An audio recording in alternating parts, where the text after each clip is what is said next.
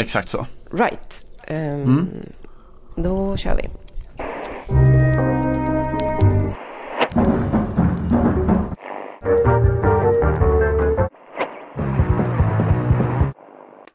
Hej och välkomna till podden som på norska heter Fotboll Radikal. Eh, vad, kan du verifiera mitt eh, norska uttal, Simon Bank? Inte under några som helst omständigheter, men det lät ju toppen. Jag blev glad. Det, det, lät, det känns bra, det känns glatt att vara radikal på norska. Det är kanske det man ska vara. Det kanske är den perfekta kompromissen. Slippa vara arg. Alltså, vara glatt vara radikal. Ja, utan att vara helt, helt hundra på det så tror jag att radikal på norska heter fuckboy, men vad vet jag? Kuddar du? Säger jag då. Så lätt. Ja.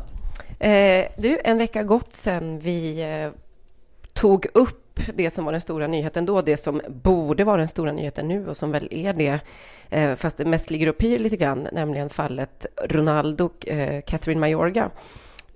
Ska vi göra en liten recap bara, vad har hänt, vad har hänt sedan dess? För att när vi pratade om det förra veckan så hade egentligen bara Der Spiegel publicerat den här artikeln om eh, den misstänkta då, eller påstådda våldtäkten.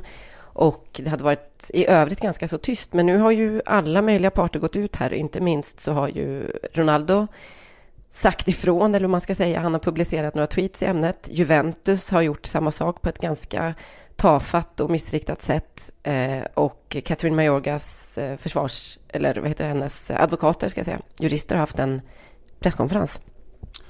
Det är väl ungefär eh, den, den helomfattande sammanfattningen eh, och alla har tagit det lite på olika sätt. Alltså det man kan säga att det Spiegel har gjort är väl att de eh, har utvecklat maktförhållandena på något sätt. De har ju berättat hur hela Cristiano Ronaldos juridiska team har, har skött det här. Alltså vilka enorma resurser de satte in för att ha full koll på Catherine Majorga eh, för att påverka polisen i Nevada i Las Vegas.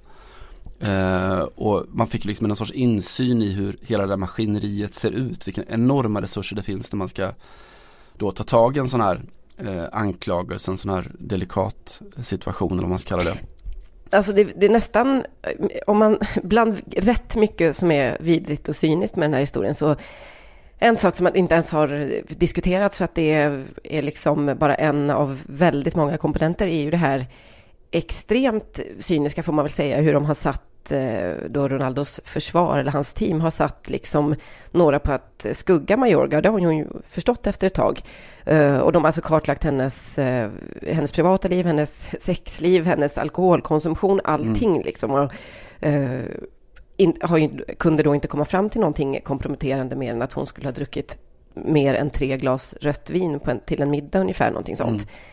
Mm. Det ger liksom en liten inblick i hur vilken typ av... Och det är klart att i ett läge där du ska försvara en person så bryr du dig inte om vad som är moraliskt rätt och fel, kanske. Du, man har ju bara en, en klient, men någonstans så ger det ändå en liten inblick i hur långt ifrån eh, den diskussionen som förs nu, som är ändå någorlunda moralisk, alltså i, i medier och i hela världen kring det här, hur långt ja. ifrån det hans team och den här typen av jätteslipade jurister står. Det handlar bara om att krossa en annan människa. Kan man hitta minsta lilla sak som skulle kunna upplevas som eh, slampigt eller dåligt eller lögnaktigt så, så tänker man eh, plocka fram det i princip. Ja, absolut. Men inblick är väl lite nyckelordet för vad man har, har fått under veckan som gått. Alltså du får en inblick i hur det amerikanska rättssystemet på något sätt funkar eller eh, ja, just det som du beskriver. Man får en inblick i hur, eh, hur eh, eh, den tyska journalistiken fungerar eller i alla fall kvalitetsdelen av den journalistiken. Och mm, man en trevlig har, inblick. En trevlig inblick eh, som så ofta mm, med Eller upplyftande i alla fall. Eh, ja, och, man, exakt. och man har också Ett fått Sverige för vuxna som vår före detta vän eh, Horace Engdahl benämnde Just det. en gång. Mm. Mm, om vi nu pratar om eh, det här ämnet. Eh, Fallna män tänkte du? Just det, precis ja. Eh, grisarna. Eh, och man har också fått en, en inblick, eh, inte särskilt överraskande men ändå tyvärr i eh, kulturen i den europeiska toppfotbollen då. Du var inne på, på Juventus krishantering när de i princip det de, i det närmaste gör att de, de delar ut ett flitpris som har gjort liksom i miniputte årgången till Ronaldo och talar om vilken vilken härlig kille han är och vilken duktig fotbollsspelare han är. Eh, och att de med det liksom anser att fallet är avslutat. Mm. Eh, och att Ronaldo själv hemföll ju till eh, det som man gör i den moderna storpolitiken. Eh, vi kan väl bara snabblyssna för, för Pep på eh, hur han första gången kommenterade anklagelserna på sitt eget Instakonto tror jag det var. Fake, fake news. Do you wanna, do you wanna promote by my name? It's normal. They want, they wanna be famous to say uh, my name. Yeah, but it's part of the the job. I'm happy man and all all good. Det där är väl någonstans arrogansen hos en människa som är van vid att stå över allting på något sätt. Vi var ju inne på det förra veckan också, att man någonstans tror att, eller man är så van vid att eh, alla följer det man säger och lyssnar på vad man har att säga och tror på en eller att man inte har liksom behövt bry sig om petitesser som eh, ja, som moral kanske, men ännu mer eh, lag såklart och, eh, och rättvisa. Och att det på något sätt är eh, att, han har, att många av de här stora fotbollsspelarna och andra superstjärnor som är, har han, deras ekonomiska muskler är så vana vid att någon annan sopar upp efter dem. Så att eh, om det gäller skattebrott eller om det gäller ett liksom, eh, regelrätt eh, civilbrott eller vad man kallar det här. Och att det på något sätt är där både kanske Juventus och Ronaldo Eh, som person visat sig ha trampat lite fel. För att det är skillnaden på 2018 och 2017 är att det har liksom inträffat en, eh, en enorm rörelse i och med metoo, där sånt här inte går att eh, komma undan med längre, eller att det går i alla fall inte att, att tro. Det är inte som tidigare på något sätt. Det verkar ju Juventus ha bommat ganska rejält och för all del rätt många italienska medier också. Det är kanske den mest deprimerande läsningen de senaste dagarna eller sista veckan här hur, hur otroligt eh, efter helt enkelt eh, italiensk media är det här, spansk media till viss del också. Och man ser till och med på kommentarer från deras egna läsare som, som liksom försöker tala om att det, det har hänt saker. Vi, kan, vi, kan inte, vi pratar inte om våldtäkt och misstänkt våldtäkt eller misstänkt sexuellt våld på det här sättet längre. Jag, alltså, det, det, är en extrem diff där som är ganska intressant att se men också väldigt eh, både uppfriskande och lite deprimerande. Ja och i det italienska fallet så är det ju ingenting vi upptäckt senaste veckan utan det har ju pågått egentligen hela, hela tiden eh, sedan metoo briserade till en början med. Det var ju den italienska medias, om man nu ska sammanfatta ett väldigt stort land och ett stort medieland. Eh, men alltså i stora drag så handlar det om att misstänkliggöra kvinnorna. Att, eh, att just anspela på det här med att det här är kvinnor som vill bli kända, eh, kvinnor som är sin kropp, att det är deras maktmedel och eh, för att tillskansa sig männens mer reella makt på något sätt. Eh, det har varit deras hållning genom hela metoo-processen och det här är inget, inget undantag. Eh, jag blir, slås ju också av att eh, allt det här sammanfaller i tid, alltså Ronaldo-fallet sammanfaller i tid med att det har delats ut ett Nobels fredspris eh, där en av pristagarna då var eh, Dennis Mukwege Eh, läkare, våldtäktsläkare får man säga i Kongo som tagit hand om många krigsoffer, kvinnor framförallt då.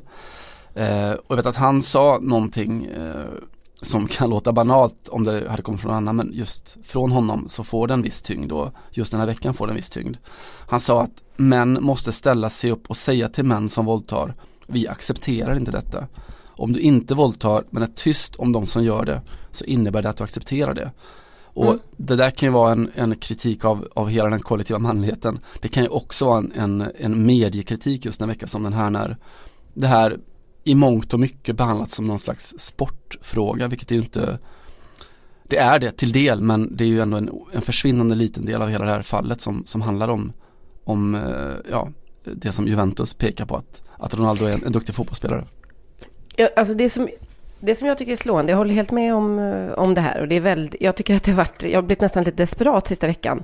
Otroligt desillusionerad för att det är också ganska många kollegor som inte har tyckt att det här har varit värt att ta upp i, i liksom sitt Twitterflöde där man skriver 50 inlägg om dagen så är det, det här någonting som man liksom inte behöver nudda vid trots att det kanske är den största fotbollsrelaterade historien på hela det här året egentligen. Eh, och eh, en eh, något som man sällan tänker på, eller jag i alla fall, jag som ganska ofta stör mig på eh, amerikansk sportmedia, eller jag vet inte, jag, det är väl lite mer än att jag har den här lite så här chauvinistiska europeiska synen på fotboll och tycker liksom att när folk börjar bräka på amerikanska och prata om eh, Chicago Fire och DC United och vad fan deras lag nu heter, Colorado Rapids. Så, bara tycker, så känner jag bara så här, ho, ho, ho. Eh, försök ni bara på ett ganska osympatiskt sätt då, för att eh, fotboll har ju all rätt att existera också i USA. Men den här veckan har det varit så tydligt att eh, den bästa journalistiken utöver Der Spiegels egen då har gjorts från amerikanska medier. Och där har man van att hantera de här sakerna. Man har ingen syn på Ronaldo som någon gud. De flesta vet inte vem han är. Eh, många av de här stora tidningarna, Sports Illustrated till exempel, som för några år sedan kanske nästan enbart var kända för den här eh, det omslaget med eh, bikini mm. eh, brudar helt enkelt. The swimsuit issue. Just det, precis. Jo, gjorde, eh, skrev en eh, fantastiskt, eh, alltså vad ska man, en fantastiskt eh, fyllig artikel helt enkelt. Och där man fick extremt mycket information om det lagliga efterspelet. De ringer upp sin juridiska expert som får förklara. Det fanns också en, en länk man kunde titta på detta. Vad de olika stegen var för att eh, det, det, ska kunna bli ett åtal. Då först och främst så måste ju det här tystnadsavtalet ehm, eh, och förlikningen hävas och så vidare. Och, och väldigt nyktert gav liksom en eh, någon form av prognos till vad, vad möjligheterna var för att eh, Catherine Mayorga skulle gå vinnande ur det här och vice versa. Eh, många andra amerikanska journalister också som, eh, och jättemånga män då som, som behandlar det här på som man behandlar en, en eh, ett eh, våldtäktsfall då, eller ett, eh, i alla fall en, eh, en misstänkt våldtäkt. Medan det i Europa har blivit liksom kortslutning på vissa håll på ett sätt som känns... Ja, det, det känns ovärdigt helt enkelt.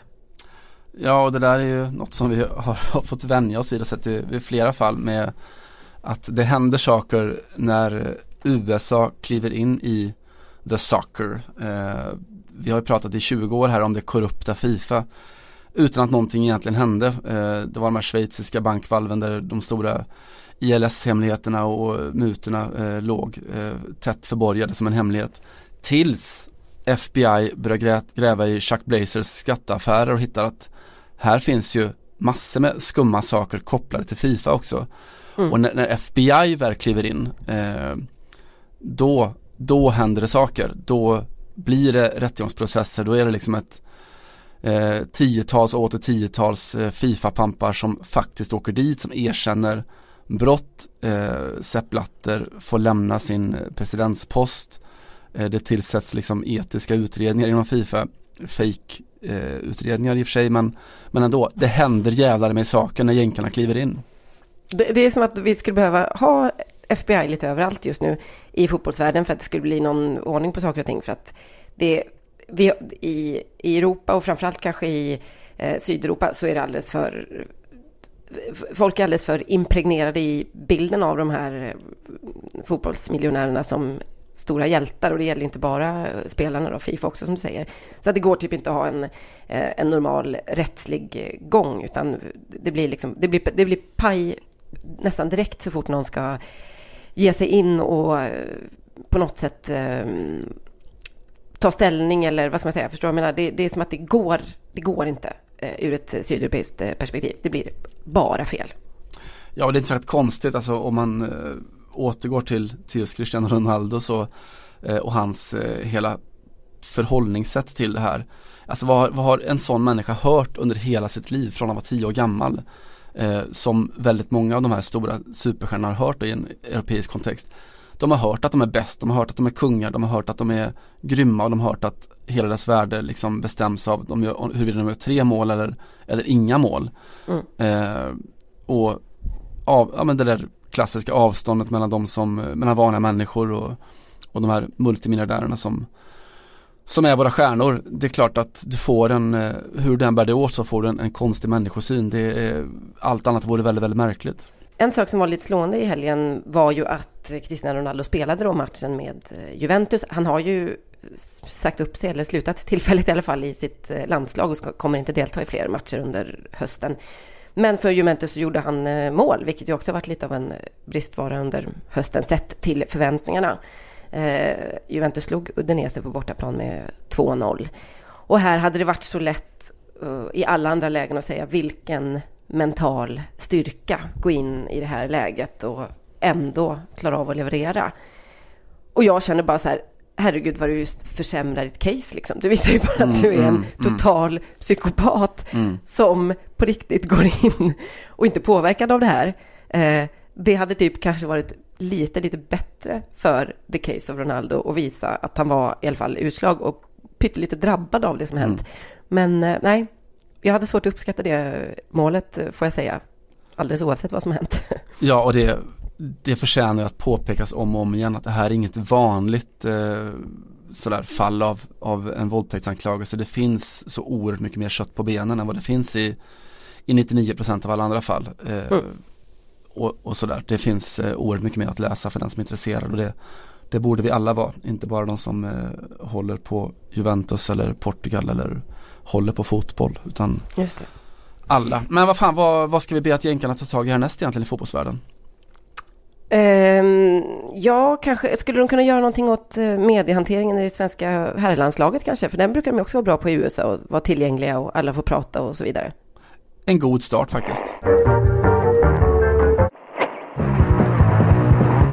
Men om vi knyter an till Ronaldo, det här lite lätt psykopatiska eh, i att gå in och, och göra mål under de här omständigheterna för Juventus. så eh, tänker jag väldigt mycket på fotbollsspelare som kanske inte riktigt har den eh, mentala styrkan. Alltså att, eh, att gå in under alla omständigheter och vara eh, sig själv fast det stormar helt enkelt. Det finns ju rätt många spelare som bara får en svacka eller går ner sig eller ja, inte pallar den här otroliga mentala pressen som det innebär att vara fotbollsspelare såklart i, idag. Eh, jag vet inte om du läste Bojan Kirkic gamla Barcelona-löftet gick ut för eh, några veckor sedan och berättade i eh, The Guardian var det väl eh, om en depression får man väl säga eller panik och ångestattacker i princip från ja, ganska ung ålder, eller han var ju väldigt ung när han slog igenom. Och som en tänkbar förklaring såklart till att han ja, harvar runt i ett eh, halvlag i Premier League och inte i, liksom, på absolut eh, högsta nivå i, med diskussionerna kring gu- Guldbollen som kanske många trodde när han, när han var 17-18 eh, någonting. Absolut, alltså Bojan Kirkic, jag, vet, jag läste den texten och eh, han var ju fascinerad på så många sätt. Han var ju liksom en, den fjärde Hanson-brodern, alltså någon sorts barnstjärna som, som var ett världsnamn eh, strax efter att han slutade eh, amma, säger man så? Eh, att hans mamma slutade amma. Dels för att hans mamma Mm. ammade honom väldigt, väldigt, väldigt, väldigt, väldigt högt upp i åldrarna. Dels för att han slog igenom i Barcelona så oerhört tidigt. Hon Men- ammade honom i princip innan han klev in i sin första A-lagsmatch. Han sprang, han sprang ut i sidlinjen. Jag vet inte om det räknas som doping, det kanske det borde göra. Jänkarna får kliva in där. De brukar vara ganska tillåtande med sånt i och för sig. Ja, fint ändå. Eh, nej, men eh, han var absolut en, eh, en, han var fin i det att han såg ju skör ut, sådär väldigt goss och pojkaktig, en liten kerub som sprang runt och kunde jättemånga fina saker. Det såg alla, men det, det blev liksom aldrig riktigt någonting och nu har han förklarat, alltså det är saker som vem som helst egentligen har kunnat inse redan tidigare att han han pallade inte den, den oerhörda pressen att vara den, den nya Messi eh, och vem, vem pallar sånt? Men nej, precis, vem pallar sånt? Men om jag går igenom bara vilka fotbollsspelare som jag har absolut närmast hjärtat eh, så är det, har jag inbillat mig av en slump, nästan alltid samma typ. Eh, Javier Pastore såklart, vi har pratat Mm. om honom, Francesco Totti, han har lagt av. Eh, om man ska ta några aktiva, liksom de stora klubbarna just nu så är jag ändå lite svag för en sån som Mesut Özil. Alltså den här typen av artister som aldrig blir riktiga världsspelare för att de antingen eh, är lite så här, fatta beslut som är lite förlorar eh, beslut helt enkelt att stanna kvar i en klubb som aldrig kommer bli eh, Real Madrid eller kanske att de är lite för svaga. Att Andres Iniesta är ju kanske ett dåligt exempel på det men ändå eh, också en sån person som precis som Pastore, Totti, Özil som har, besitter liksom ett, gen, ett alltså odiskutabelt fotbollsgeni. Eh, de är på ungefär samma plats, för att inte Mm. säga exakt samma plats också i, eh, eh, på planen. Men har någon form av skörhet och Iniesta har ju berättat och skrivit en, i sin självbiografi om depressionen som höll på att dra ner honom i, i i ett mörkt djupt hål. Den gjorde väl det i princip. Han säger att han stod och tittade, liksom spejade ner i avgrunden i, i princip. Eh, och det är ändå intressant att det finns plats för den typen av fotbollsspelare fortfarande, även och till och med de absolut största sammanhangen. Det betyder ju att det går på att, vara, sätt. att vara, vara vek och ändå stark. Mm, ja, precis.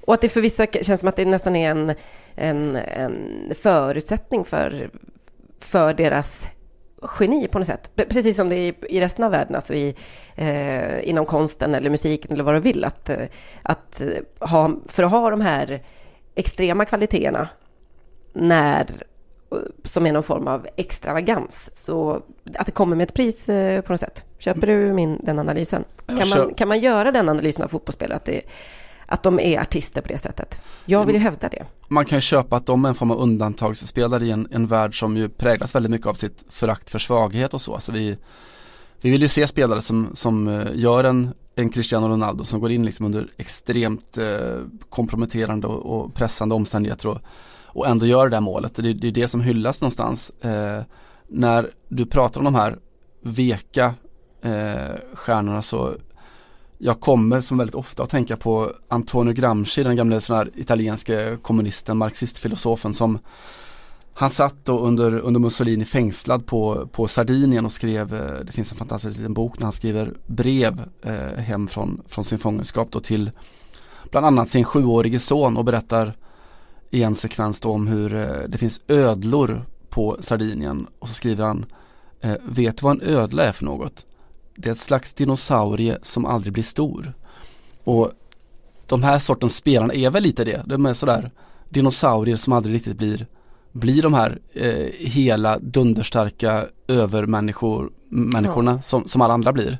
Mm. Eh, och jag, men är det därför de är så himla likeable då? Gud, men de är människor. Alltså, ja. jag, jag gillar svagheter hos alla stjärnor. Jag gillar att Dennis Bergkamp inte, inte ville flyga. Jag tyckte det var fantastiskt. Eh, han hade också de här artistiska dragen som spelare såklart. Mm. Eh, Jesus Navas. Jesus Navas som inte kunde vara ifrån sin mamma, var det inte så? Nej, han kunde ju knappt ens bo, han var ju tvungen att bo hemma utanför Sevilla. Eh, han åkte ju hem från det första landslagslägret, bara gick ut och åkte hem. Jag tror att de var eh, i USA faktiskt, mm. eh, satte sig på första planet, han klarade inte av det. Jättefint. Eh, mm. Du har en sån här gammal favorit som jag har som är Patrice Locaux, en av de stora stjärnorna, exponenterna för det som kallades Jeux à la Nantes, alltså Nantes-spelet på 90-talet. Som väl var någon form av eh, tidig Bielsa-fotboll, oerhört offensiv, fartfylld med liksom Makelele och, och Pedros och allt vad de hette. Eh, han ville så gärna gå till, till PSG, eh, förhandlingar drar ut på tiden. Eh, han gick också igenom då en, en ja, den ultimata eller optimala eh, slutgiltiga personliga tragedin. Han hade en, litet, en liten son som, eh, som tragiskt då gick bort. Eh, men han, eh, när han då till slut får klart med Paris och ska börja om sitt liv så så går han in i en total depression, han är ute liksom på stan, dricker vin, slår sönder bilar, blottar sig för en, en, en kvinnlig polis. Eh, och det är klart att det är oerhört en sorts annan mer så här, tragiska eller sorgekanter kring den berättelsen men, men det fanns ju någonting i att, att vistas i en värld som är så oerhört spetsig, hård eh, och som ofta gynnar psykopater så så fanns det också plats, eller inte plats kanske, för en eh, eh, någon som hade stora, stora bekymmer och som var, var skör helt enkelt. Mm, mm. Eh, jag konstaterade i eh, helgen när jag kollade lite på det här att eh, Javier Pastore lämnade ju Paris för Rom i somras. Eh, världshistoriens eh, bästa transfer för övrigt. Kan inte, jag kan inte sympatisera mer än att man gör det stadsbytet mm. åt ett eller annat håll. Eller eh, klubbytet gjort, för all del. Ja, klubbytet är ju, är ju väldigt mycket uppåt. Eh, men stadsbytet är ju väldigt mycket, gå från världens bästa stad till världens bästa stad. Det, mm. det tycker jag är mycket sympatiskt. Eh, men Pastore blev ju otroligt älskad i eh, Paris. Det skrevs mycket när han försvann härifrån och då var han ju aldrig ens en riktig startspelare, eller alltså kanske högst någon enskild säsong. Trots att han var i, i klubben i sex år eh, det pratades ett tag om något som man kallar eh, lupastorism, alltså en sorts rörelse kring eh, pastore, vad det innebär att älska pastore. Att det kanske är någonting som eh, också tilltalar det franska kynnet lite grann, nämligen en, en, en stor artist som, som ändå tvivlar på sig själv och som inte är den här extremt eh, genom genomhögpresterande typen, men utan mer, mer den känsliga sorten som det finns otroligt många av i, i det här landets historia.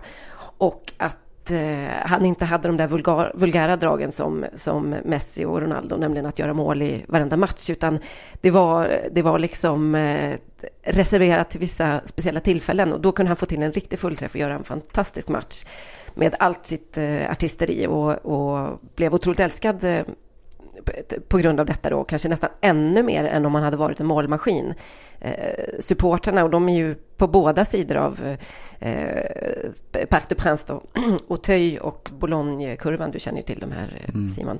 Det är ju rätt hårda killar generellt, men de älskar ju verkligen Pastore. Och när han var tillbaka så efter att han hade skrivit på för Roma och tackade för sig så var det en av de varmaste applåderna, alltså lika mycket som när Zlatan försvann mm. från klubben i princip. Eh, trots att hans inflytande har ju varit så otroligt mycket mindre i, på, på spelet och på framgången och, och så vidare. Och, och det finns ändå något eh, intressant. Jag, jag, ställde faktiskt frågan en gång till Pastore. Var vi i Bordeaux kanske? Ja, det var någon bortamatch. Han hade gjort en superinsats. Och det var liksom första gången på fyra månader han hade spelat bra överhuvudtaget. Och då frågade jag hur, hur kommer det sig att... Eh, vad kom det här ifrån liksom? Vad behöver du göra för att ja, få hitta någon form av kontinuitet i den här formen? Och då tittade han på mig med sina liksom eh, alldeles bedårande rådjursögon och sa, jag vet inte. Om jag hade vetat det så hade jag gjort det hela tiden, eller hur? och det var liksom så. Det var som att han nästan det, var där, det är där man vill bara kasta sitt, sitt block eller sin bandspelare åt sidan och bara krama om honom och säga att liksom, det, här, det ordnar sig, Javier. Vi, vi löser det här. Ja, så oerhört fint. Så otroligt sällsynt att få den typen av svar från, eh, från fotbollsspelare på den nivån. Liksom. Men det var, något, det var väldigt uppriktigt och en, en fråga som han ju kommer fortsätta att ställa sig hela, hela livet, eh, antar jag. Ja, så oerhört fint. Eh, jag vill säga två saker till om Pastor. Det första är en, en parallell till en en kanadensisk tror jag, möjligen amerikansk, jag tror kanadensisk konståkare som heter Elvis Stoichko, bara namnet är fantastiskt. Som, han, han är ute på isen framför sin tränare och så håller han på och gör massa konstiga saker och, eh, och så frågade tränaren sådär, men Elvis vad, vad gör du för någonting? Eh, jag letar, sa Elvis. Jaha, vad, vad letar du efter? Ja, det vet jag när jag har hittat det. Eh, det hade kunnat vara Pastores hela credo för hans karriär. En mm. karriär, den andra saken jag vill säga, som spänner alltså över Palermo till Paris till Rom. Eh, och här i Sverige så läser vi Per Hagmans romaner men det är Pastores roman man vill läsa, hans, oh. hans reseskildringar. Jag vet inte, kanske, nästa steg kanske är Skövde om man ska följa Per Hagman eh, parallellen. Det kunde Eller mig. Eller dig. Exakt. Det är, det är en, det är en Bermuda-triangel att eh, tala om faktiskt. Eh, Palermo, Paris, Rom. PPR. Eh, intressant sak. Eh, ja, pyttelite intressant det här. Jag kan inte leda det här i bevis på något sätt. Men vi var ju inne på de här lite känsliga typerna. Jag räknar in Francesco Totti i det här. För att, och Iniesta kanske är den som är överlägset mest lyckad. Det går ju svårt att ha några synpunkter på, att, på hans djupa dalar spelmässigt. För det har han nästan inte haft några. Mm. Men det finns ändå någonting väldigt mänskligt och, och, och mm, vad ska man säga, det finns någonting eh, fragilt över honom. Uppenbarligen eftersom han har pratat om sin, sin djupa depression och så vidare. Eh, Totti har inte gjort det, eh, men han har ändå öppnat sitt, öppnat sitt hjärta, som man gillar att säga i svensk, eller gillade att säga i svensk politisk retorik. När han slutade, avslutade karriären, det pratade vi om sist. Den här förbannade tid som går och det är nu jag behöver alla supporterna för nu är jag rädd, jag vet inte, jag ska ta steget ut i det okända och så vidare. Um, och uh, vi, uh, jag, jag, gjorde en liten googling, det är nämligen så att Francesco Totti har en gång i en intervju som gjordes av uh, en reporter på tidningen Republika där de hade som anslag då att de inte fick prata fotboll, allt annat än fotboll. Mm. Vilket, vilket blev ett helt fantastiskt resultat. De pratade om döden och vad som händer efter det och familjen och ja, vad han är rädd för i livet och så. Och eh, fick frågan vad han röstade på. Det sa han, alltså politik, jag är helt ointresserad av det. Jag pratar inte ens politik med min fru. Mm. Vilket, om man vet någonting om paret eh, Totti Blasi är... Åh fan, sa alla. Ja, det är, så, det är så fint sagt för att jag hade kanske inte heller gjort det. Eh, det är nog inte det första jag tagit upp. Jag hade suttit ner med, med henne eller honom för den delen. Men det är hans liksom sätt att visa hur ointresserad han är eller hur, ja, på något sätt hur han hur, hur, hur lite politik spelar roll i hans liv. Att inte ens med uh, Ilari Blasi då, som är uh, före detta sån här så kallad velina, alltså dansade och mm. ja, halv avklädd i, i såna tv-studios. Men blev, har ju med tiden blivit en mycket kompetent eh, programledare och eh, har säkert huvudet på skaft på alla sätt. Eh, de pratar inte politik, men då säger ändå den här reporten. Men som jag har förstått det så röstar du ändå alltid vänster och du har ju stöttat den dåvarande borgmästaren i, i Rom, eller borgmästarkandidaten som var vänster. ja, säger Totti, det stämmer. Jag vet inte riktigt varför. Och så går liksom samtalet vidare. Eh, och det är ett så otroligt eh, udda val av politisk inriktning om du tittar på de allra flesta. Det görs ju då och då undersökningar kring, kring detta. Vi gjorde, Sportbladet gjorde ju en inför det svenska eh, valet till exempel här senast. Där man ser att det väldigt ofta är, är, är ja, om, i den mån man har något politiskt tänk så är det väldigt ofta, ska jag säga, relaterat till den egna privatekonomin möjligtvis, eh, mer mm. än någonting annat. Eh, och vi, detta fick mig att eh, kolla lite på Javier Pastore, för vi ska strax komma in på ett stort eh, politiskt val som påverkar fotbollsvärlden också. Och eh, hur som helst så visar det sig att Pastore i alla fall eh, inte är någon särskilt eh, politisk person, mm, vad vi vet. Men 2015 så så uppmanade han i en video eh, medborgarna i sin region då, hemma i eh, Argentina kring eh, Cordoba, där hans, eh, åtminstone hans mamma bor, att rösta på en allians. Det var en allians bestående av, det var allt möjligt. Det var socialister, det var liberaler, det var socialliberaler och det var konservativa. Så det var ju ja, lite oklart vad de skulle uträtta. Men oavsett så, så uppmanade han till det. Och att man ska rösta på en en eh, kandidat som heter Rafaela Espinosa. För i, om hon skulle vinna så skulle nämligen Javier Pastores mamma bli eh, kassör på något sätt i eh, den här i, i regionen då, eller i det här lokalvalet. Och, eller hon var, ställde upp som, som med, vad säger man, hon var en, hon var sympatisör helt enkelt med mm, mm. den här kandidaten. Eh, det tog någon form av kremlologi kan jag säga och en timme för att eh, gå igenom allt eh, detta. Vad tillhörde egentligen eh, Rafaela Espinosa för eh, del av den här ganska oheliga alliansen?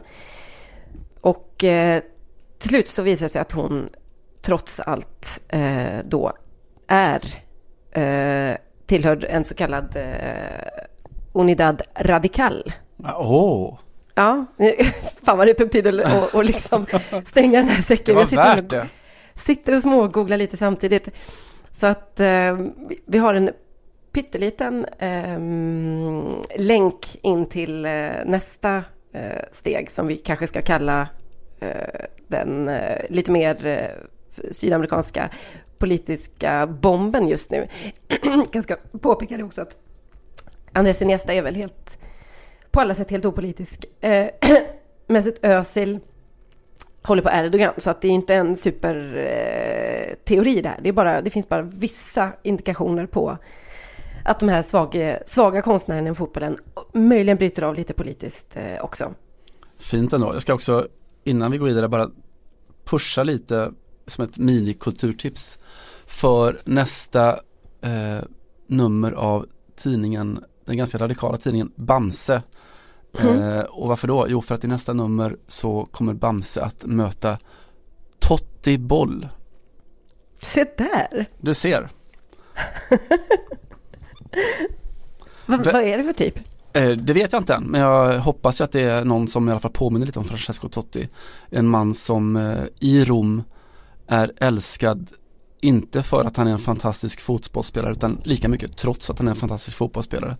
Eh, han är, känns i alla fall som att han är Han är älskad för att han är en enkel person, inte trots att han är en enkel person och det säger vi ganska mycket om Roma och om Rom.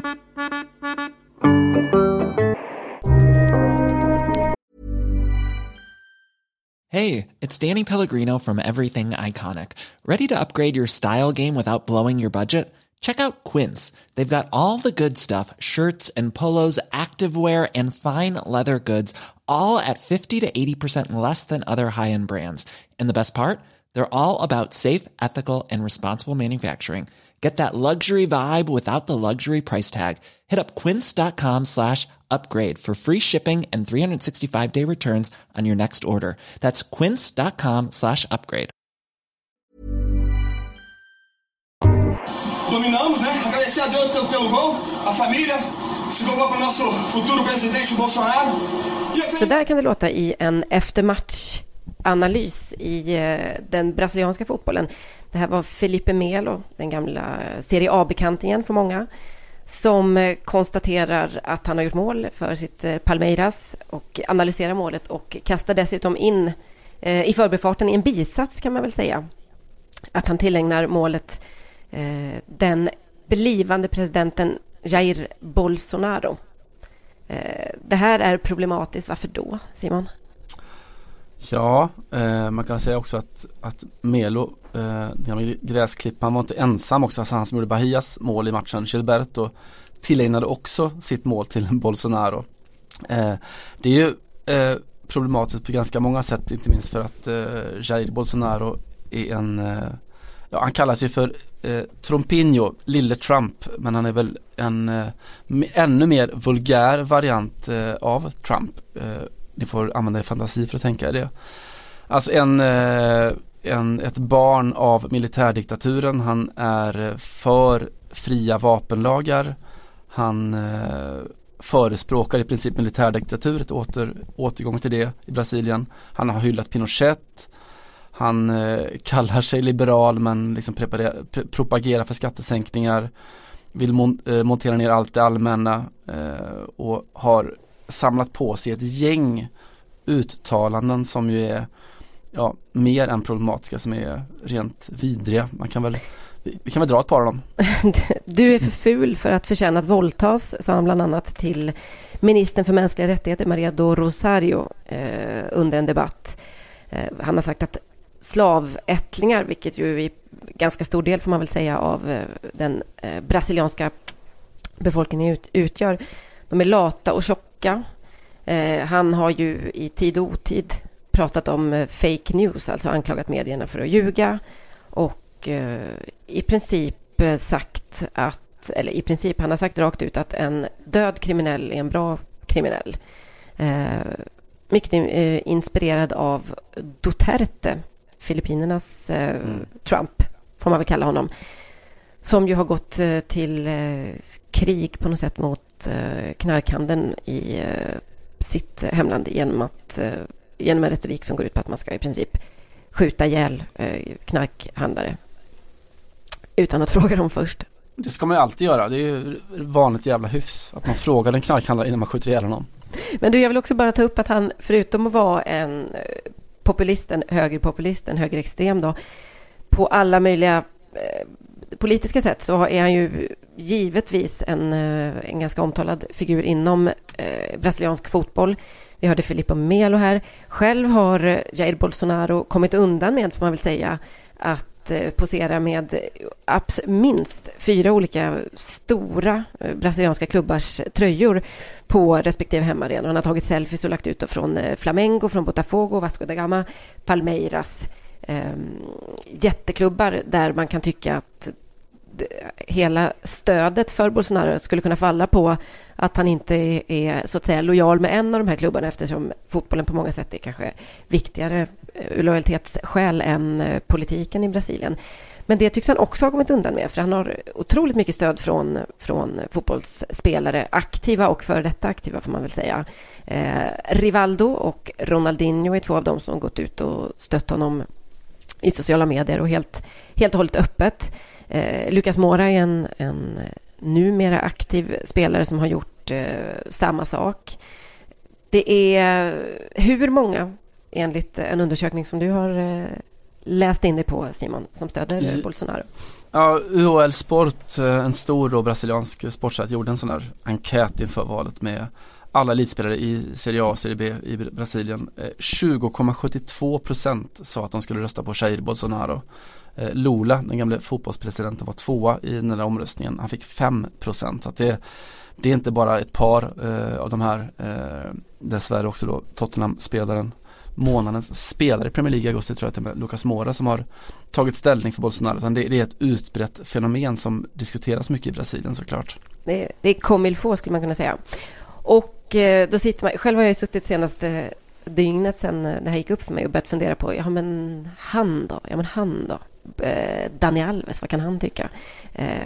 Hulk, det skulle kunna vara en Bolsonaro ehm, eh, typ helt och hållet och så vidare. Den, allra, den riktigt stora frågan är förstås vad tycker Neymar om det här eftersom Neymar är på något sätt eh, solen och eh, ljuset i den eh, brasilianska fotbollen även om han möjligtvis är lite eh, aningen försvagad efter eh, VM i, i somras. Och eh, vi har ju varit inne på det tidigare i podden att eh, Neymar, jag tror att du sa att han var eh, politisk i det att han väljer att vara så opolitisk. Alltså att eh, Mm. det opolitiska och det kommersiella är hans eh, politiska riktning eh, på något sätt. Faktum är att eh, Neymar inte har uttalat sig i fallet Bolsonaro eller egentligen gett stöd till någon av presidentkandidaterna. Det var ju den första omgången i, i söndags. Det kommer gå till en andra omgång för att ingen kandidat samlade mer än hälften av rösterna. Men Bolsonaro var väl närmast då med en 46 procent och mycket tyder på att det är han som kommer avgå med segern även efter runda två. Eh, Brasil, eller eh, Neymar ska jag säga, har däremot eh, ertappats, om man nu kan använda det ordet i sociala medier, med att ha likat andra eh, brasilianska idrottsprofiler framför, framförallt. När, i, I uppdateringar och poster på eh, Instagram bland annat, där de har tagit ställning för Bolsonaro. Då kan man ju fråga sig, är det här ett så kallat endorsement mm. eller är det bara eh, för att han är så fullkomligt oslipad så att han inte riktigt förstår hur det ska uppfattas. Det har i alla fall eh, blåst upp till en liten debatt eh, så sent som igår, måndag kväll, kring detta när Neymars flickvän, skådespelerskan Bruna Ma- Marquezino, får jag kalla henne så? Det tycker jag. Ja, Jag, jag kallar henne baby men kör. ja Marquezine. Hon är en eh, uttalad motståndare till eh, Bolsonaro, bland annat eh, kallat honom eh, machista då. Eh, vad ska man säga, kvinno... Eh, kvinnoförnedrare, vad säger vi på Ja, svenska? kvinnofientlig. Ja, kvinnofientlig. Sexist, en sexist absolut. helt enkelt. Men, men li- lite starkare ord skulle jag säga på eh, machista eftersom det Eh, är ett sånt eh, otroligt... Eh, sexist kanske man använder i vissa sammanhang i Sverige men i den, skulle jag säga, spanska och till viss del portugisiska kulturen och i språket så är det ett, ett machista, ett ord man använder från allt från till exempel mäns våld mot kvinnor brukar man ju kalla violencia machista och så vidare till den här typen av politiska företrädare. Hur som helst, hon har tagit ställning mot Bolsonaro och i igår, måndag kväll, så eh, laddade hon upp eller gjorde en så kallad eh, story, tror jag det var. Eller tror jag man säger på Instagram. Där hon la upp bilder på sig själv med tårar i ögonen, i alla fall väldigt glansig eh, blick. Där hon skrev att om din pojkvän eller din partner röstar på en kvinnofientlig machista så är han också en. Och det här har ju tolkats på 300 miljoner sätt, eller hur många är de nu i Brasilien? Eh, kanske inte fullt så många. Såklart, eftersom det har, har rådit vissa tveksamheter och eh, har ställts många frågor kring Neymar och eh, kring det här. Och hur ska man tolka detta då? Som att är hon en av alla dessa kvinnor som lever tillsammans med en, eh, någon som röstar på den här högerextrema kandidaten. Det var ett, jag vet inte om det var ett snyggt sätt, men det var ett ganska intressant sätt att hålla spänningen vid liv, får man ju säga, inför eh, omgång eh, nummer två i alla fall. Där eh, väldigt mycket tyder på att den här tropikernas Trump, som de kallar honom, blir då nästa st stora världsledare. Brasilien är, vad är det, femte största eh, ekonomiska mm, kraften eller landet i världen, någonting sånt. Ja, man kan också säga att, att Bruna Marquezine, alltså Neymars flickvän, är ju sannolikt inte ensam om de här tankarna. Så de hade det har varit stora demonstrationer i Brasilien, alltså de största någonsin eh, faktiskt då med just kvinnor som har varit ute och protesterat eh, mot Bolsonaro under, ja, på sociala medier man använt hashtaggen El Now, alltså inte, inte han. Nej, just det. Eh, enormt stora, alltså de största ja, demonstrationerna som, som kvinnor någonsin organiserat i, i Brasilien. Mm. För att det, det, är så att eh, Bolsonaro, han är inte på något minsta sätt otydlig i vad han tycker om om kvinnor som någon form av, av mindre värd del av mänskligheten. Eh. Ja, just det. Han hade sagt bland annat att han, han fick fyra, hans fyra första barn är söner. Sen veknade det lite och det femte blev en flicka. Alltså. Mm. Så ni förstår nivån lite grann på, på hans eh, kvinnohat helt enkelt. Ja, det är ju där och det, visst vi pratar om fotbollsspelande, det är samma sak på, på läktaren. Jag vet att eh, eh, Atletico Mineiros fans har, har sjungit eh, under matcher då med tydlig adress till Crusaders fans att eh, se upp för Bolsonaro kommer att döda alla bögar. Så det är väldigt mycket en, en, eh, en gammal nattstånden form av machism och, och, och sexism och så vidare och så vidare. Mm. Och det relevanta då om vi nu har konstaterat att, att fotbollsspelare tycker så här och de i mångt och mycket också såklart är representativa för vad, vad brasilianen på, på gatan tycker så, så måste man också väcka frågan hur kan det bli så här? Hur kan man välja en, en Trompinho som eh, i mångt och mycket är en, en värre upplaga, en mer vulgär upplaga av Trump? Och då får man titta på liksom den politiska utvecklingen i Brasilien de senaste åren. Först med det som man trodde väldigt mycket på, eh, den här vänsterrörelsen som kom med Dilma Rousseff som, eh, som president eh, och, och representant för vad heter det, Partido dos Trabalhadores, eh, alltså arbetarpartiet i, i Brasilien. Som var väldigt framgångsrikt, vet ni, vi var på, på VM i Brasilien 2014 var det väl. Mm. Så kunde man se, ja det var väl det. Man kunde väldigt, väldigt visuellt se eh, hur då en tidigare underklass hade börjat eller börjat skapas en, en ny medelklass. Eh, man såg det på att väldigt många unga människor, pojkar, flickor, kvinnor och män bar tandställning som i, i Brasilien är en väldigt tydlig signal om att man har fått lite mera pengar för det, att ordna sina, ordna sina tänder är det första man gör. Mm. Eh, det som hände med hela den eh, arbetarpartiets minirevolution i Brasilien var ju två saker. Dels då den här ekonomiska utvecklingen där väldigt, väldigt många fick det väldigt, väldigt mycket bättre. Eh, det andra var att eh, de till slut då, i alla fall i någon form av allmän opinion, visade sig vara lika korrupta som alla tidigare regeringar. Dilma Rousseff eh, fälldes ju och flera ur hennes regering fälldes, Lula fälldes också, tidigare presidenten. Just det. Mm. Så det uppstod en oerhörd besvikelse vilket såklart får till sin följd att pendeln slår åt andra hållet. Det blir någon sorts nyliberalt projekt som får ekonomin att krascha.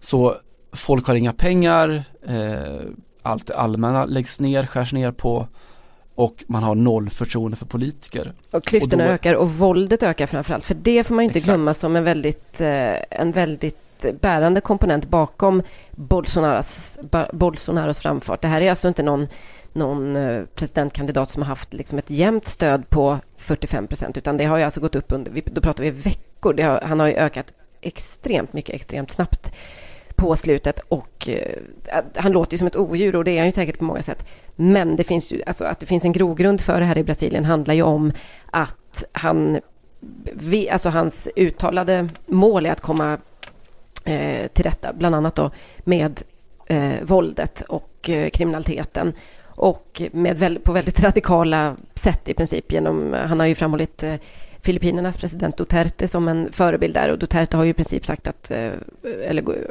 hans projekt går ut på att skjuta knarklangare eh, för att bli av med dem.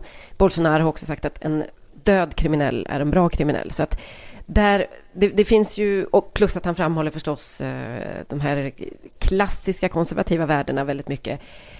Kärnfamiljen, Eh, jag tror han är gift för tredje gången för övrigt, men det, det är ju lite, det är också lite analogt med Trump där kanske, att det inte spelar så stor roll egentligen, för det viktiga är att han ändå låtsas eller säger de här sakerna.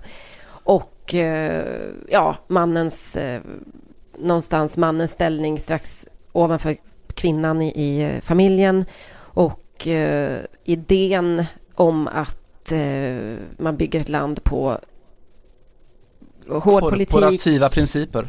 hård politik, kärnfamiljen och Gud, för han är väldigt stor bland eh, de frireligiösa i Brasilien, som är väl över 20 procent av befolkningen tillhör ju bara pingstkyrkan, så att det finns, där hämtar han någonstans sitt, sitt eh, stöd, får man väl säga.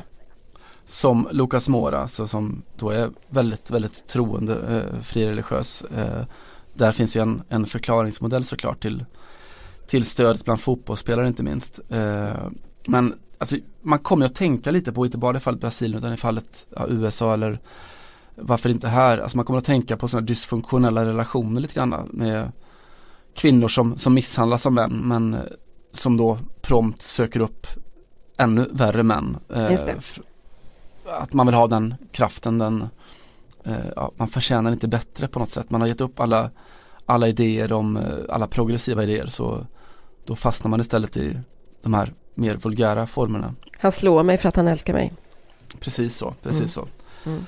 Men man, det man kan konstatera i Brasilien och den korta brasilianska demokratiska historien, vi ska inte glömma det också att eh, Brasilien är en demokrati sedan inte ens 40 år va? Och, ja, 85 tror jag, eh, militärdiktaturen föll.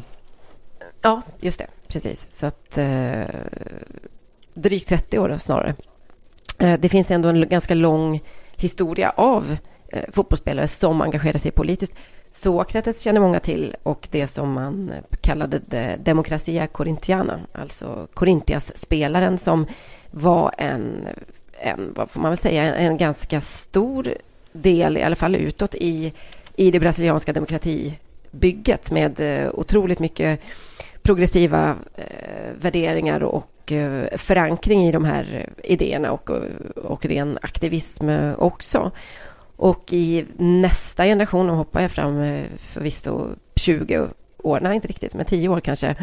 Eh, vi som växte upp med eh, nästan med eh, VM 1994 som första riktigt stora fotbollsminne minns ju hur Bebeto och eh, Romario, de två eh, anfallarna och eh, idolerna egentligen från det landslaget, båda två engagerar sig politiskt, båda två på vänsterkanten efter sina aktiva karriärer som spelare. Det finns ju ett, ett progressivt arv i den brasilianska fotbollen som just nu inte så att säga inte bärs upp av möjligtvis av, eller av, i alla fall inte av någon av de stora spelarna som vi har kunnat eh, konstatera. Det finns ett undantag, eh, Simon, en spelare som har gjort ett uttalande i, kring Bolsonaro i, alldeles nyligen. Har du, känner till vilket jag pratar om? Jag antar att du pratar om eh, frisparkskejsaren och kungen eh, från Råndalen, eh, Juninho gissar jag. Absolut, den gamla frisparks Eh, Eh, experten drog en eh, rakt upp i krysset faktiskt i, eh, alldeles nyligen när han fick frågan då om Bolsonaro och det presidentvalet som då hägrade som vi just nu är mitt inne i i Brasilien. Så här sa Juninho. Jag blir galen när jag ser spelare och före detta spelare som tillhör högern. Vi kommer ju underifrån. Det är ju vi som är folket. Hur gör man ens för att sympatisera med den andra sidan?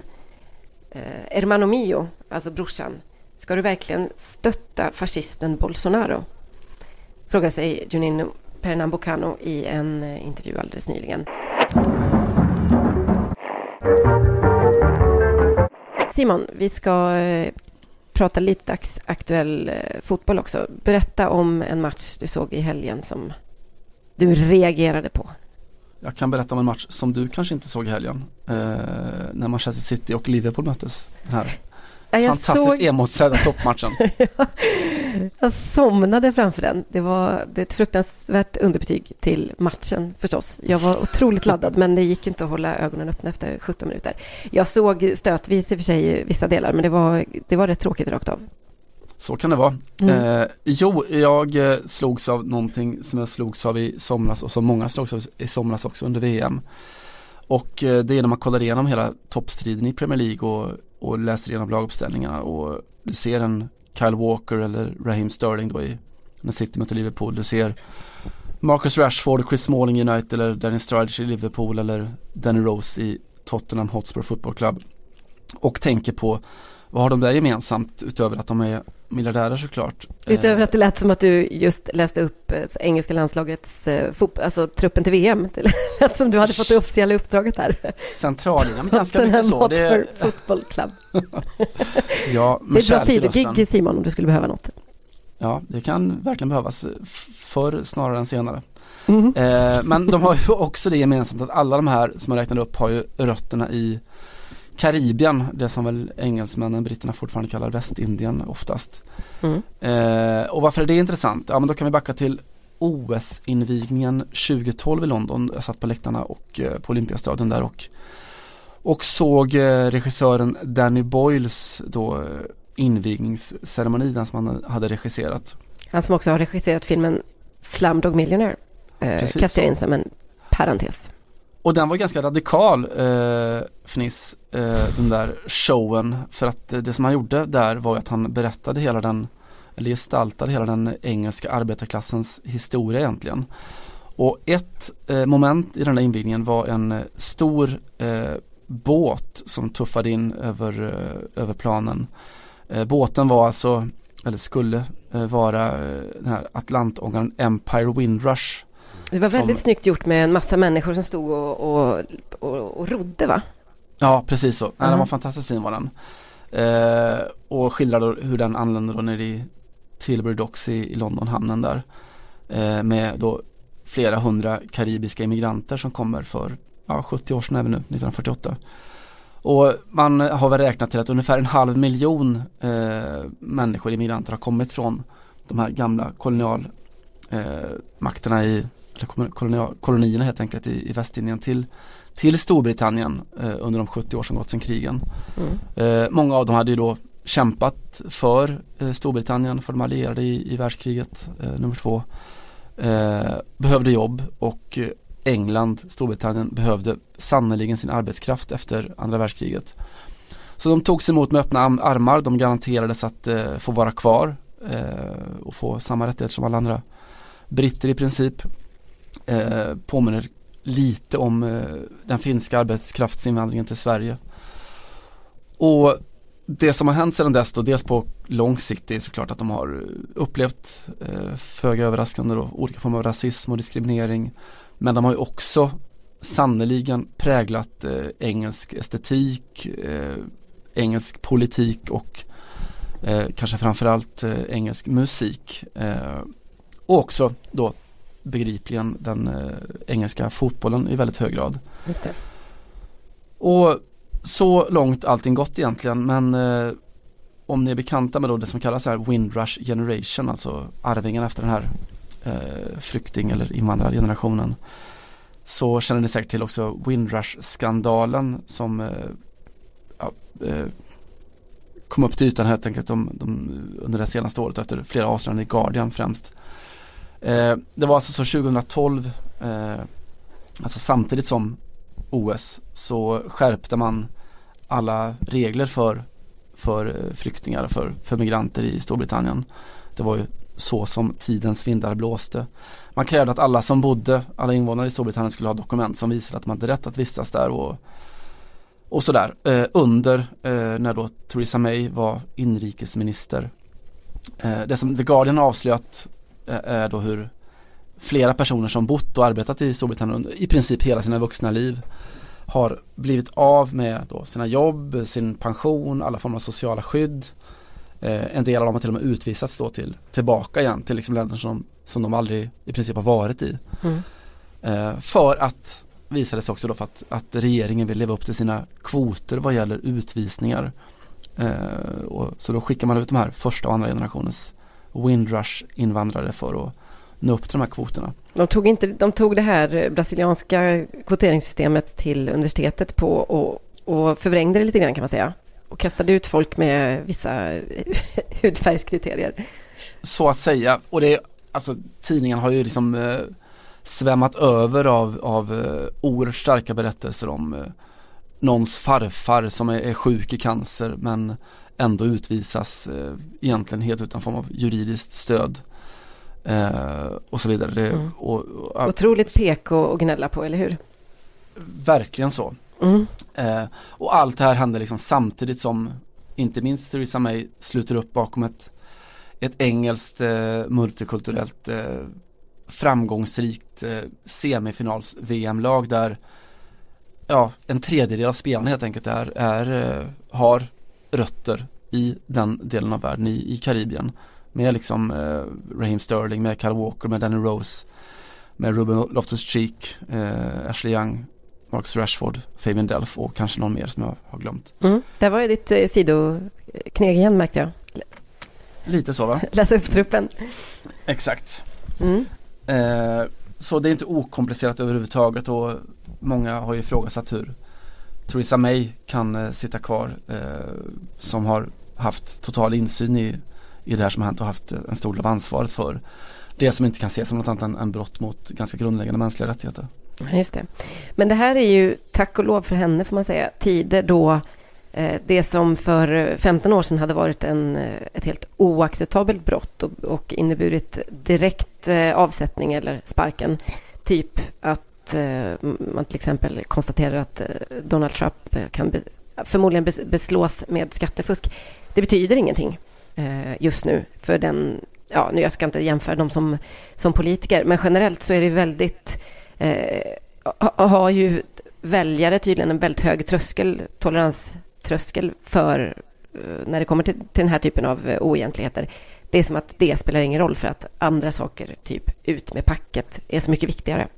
Ja, och då, vi efterlyste ju förut liksom fotbollsspelare som någonstans i alla fall kan ta, kan ta ställning i den här sortens eh, ganska grundläggande frågor och då är man ju glad att konstatera att England har förlängt kontraktet för sin förbundskapten Gareth Southgate som ju aldrig, han, alltså han är ju vältalig, artikulerad, smart, begåvad, eh, progressiv och ja, fan i mig, radikal till och med.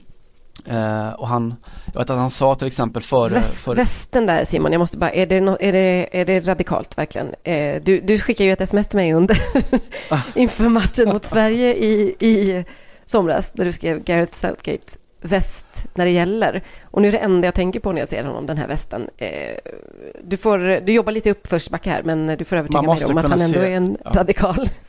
Du måste kunna se förbi kläderna. Kläderna gör inte mannen som Erik Hamrén brukade säga. Eh, men jag vet att han sa i alla fall Southgate före, före VM när eh, det var mycket debatt i England om, om eh, rasismen i Ryssland, att det skulle vara jobbigt för de engelska spelarna. Och han sa att ja, det är nog dags att vi städar upp här hemma innan vi liksom börjar peka finger åt andra länder hur de har det. Det finns massor med saker i vårt eget land som, som inte är okej. Eh, Mm. Och ja, vi har inte löst det hemma än så innan vi har gjort det så ska vi sluta och kasta skit på, på alla andra och han syftade inte på Windrush-skandalen men han hade absolut kunnat göra det. Mm. Mm. Gareth Southgate ändå, vilken kille. Mm. Väst när det gäller. Exakt så, god väst som de säger i Göteborg.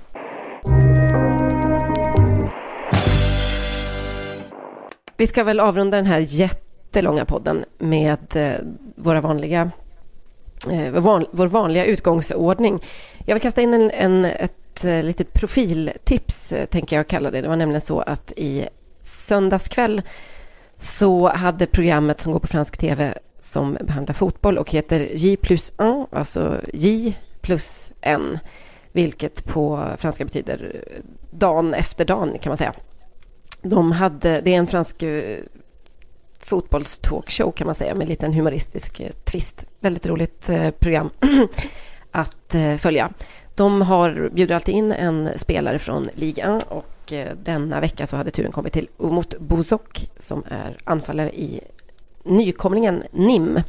Eh, Buzok är 22 år gammal och är eh, turkisk landslagsman. I alla fall eh, har han spelat för det turkiska U-landslaget då. Men eh, är, eh, håller på att bli en liten älskling i, eh, nere i södra Frankrike och blev väldigt mycket en älskling hos mig och tror jag hela Fotboll Radikal-följet när det uppdagades att han i unga år blivit satt i ett, av sin pappa i ett, i ett eh, konservatorium för att lära sig spela piano. Och det visar sig att det här är fortfarande hans stora passion i livet. Fotbollen är väl en sak, men musiken, liksom, det är någonstans det han eh, brinner för, såg man på honom och förstod när han pratade. Och eh, mycket riktigt så körde man, de ju in ett piano i studion på slutet för att han skulle få sätta sig och visa vad han kunde. Och eh, det lät eh, fantastiskt fint och framför allt var det ett låtval som fick mig i alla fall att trilla av stolen. Så här var det när Umut Busok satte sig vid tangenterna.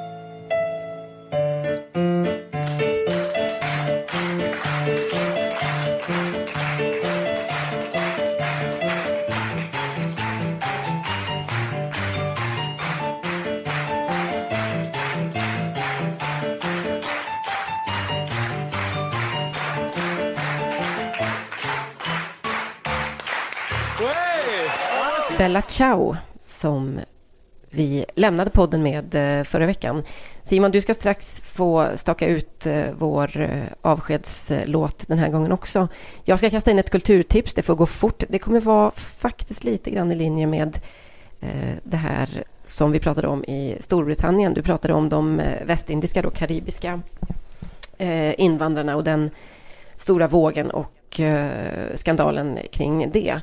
Jag skulle i enkelhetens namn vilja tipsa om författarinnan Zadie Smith som mm. ju är den främste, får man säga, uttolkaren av inte bara den här generationen. Hon har själv påbrå från Jamaica, tror jag det. Hon skriver ju otroligt bra om eh, vad det är att vara eh, invandrare och västindier i Storbritannien och London. Eh, men hon är också utöver det en eh, betraktas som en stor intellektuell i eh, Storbritannien och har en självklar plats i den vilken debatt som helst egentligen, framförallt den politiska och litterära såklart. Eh, Sadie Smith utkom senast med boken Swingtime. Den kom i år eller förra året tror jag på svenska. Den heter så på svenska alltså. Hon gjorde sig känd för eh, Vita tänder, White Teeth, som för en 15 år sedan kanske, 20 nästan, blev eh, någonstans den absolut första eh, romanen att behandla den här generationen och hela eh, den här enorma smält, smältdegel som är norra London framför allt på ett väldigt eh, roligt och humoristiskt sätt. Eh, läs Sadie Smith, säger jag. Eh, lyssna på vad då? Och så ses vi nästa vecka, säger Simon Bank. Ja, det är fint. Jag vill också plocka upp och säga att Ubert Bossok kan ju ha tagit över som fotbollsvärldens främste pianist uh, när Alexis Sanchez har det jobbet i, där borta i England. Ska vi lyssna på honom också då, för rättvisans skull? Så kanske lyssnarna får avgöra vem de tror är, uh, har bäst uh, prospects efter karriären.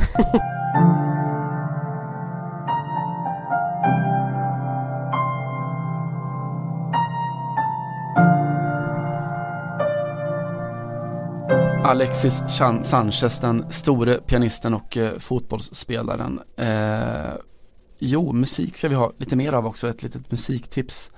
Och då tänkte jag återknyta till eh, Windrush, till eh, den eh, karibiska diasporan i England och inflytandet som de har fått på fotbollen men inte minst också då på musiken. Eh, de tonerna, eh, gunget som kom från främst och såklart Jamaica eh, kom till England och eh, präglade stora delar av liksom, den brittiska arbetarklassen som växte fram då. Eh, inte minst den tidiga, tidiga skinhead-rörelsen eh, och inte den sortens skinhead-rörelsen utan de som eh, var lite mer globalistiska, eh, kosmopolitiska av sig eh, och lite mindre rasistiska, eller inte alls rasistiska. Och eh, den tiden, eh, det inflytandet har ju fått sitt soundtrack också såklart. Jag tänkte att vi skulle lyssna på den kanske främsta exponenten för det. Toots and the Maytals eh, och deras 5446 That's My Number. En låt som eh, handlar om när Toots själv eh, satt i fängelse, kom ut därifrån. Satt i fängelse på Jamaica för det som man sitter i fängelse på Jamaica för. Om man nu håller på med ska och reggae. Han hade haft lite marijuana på sig. Men han lämnade efter sig det här och eh, det har blivit en stor del av det brittiska musikarvet. 5446, that's my number. Och nu är våra nummer ute. Vi ses om en vecka igen. Ciao!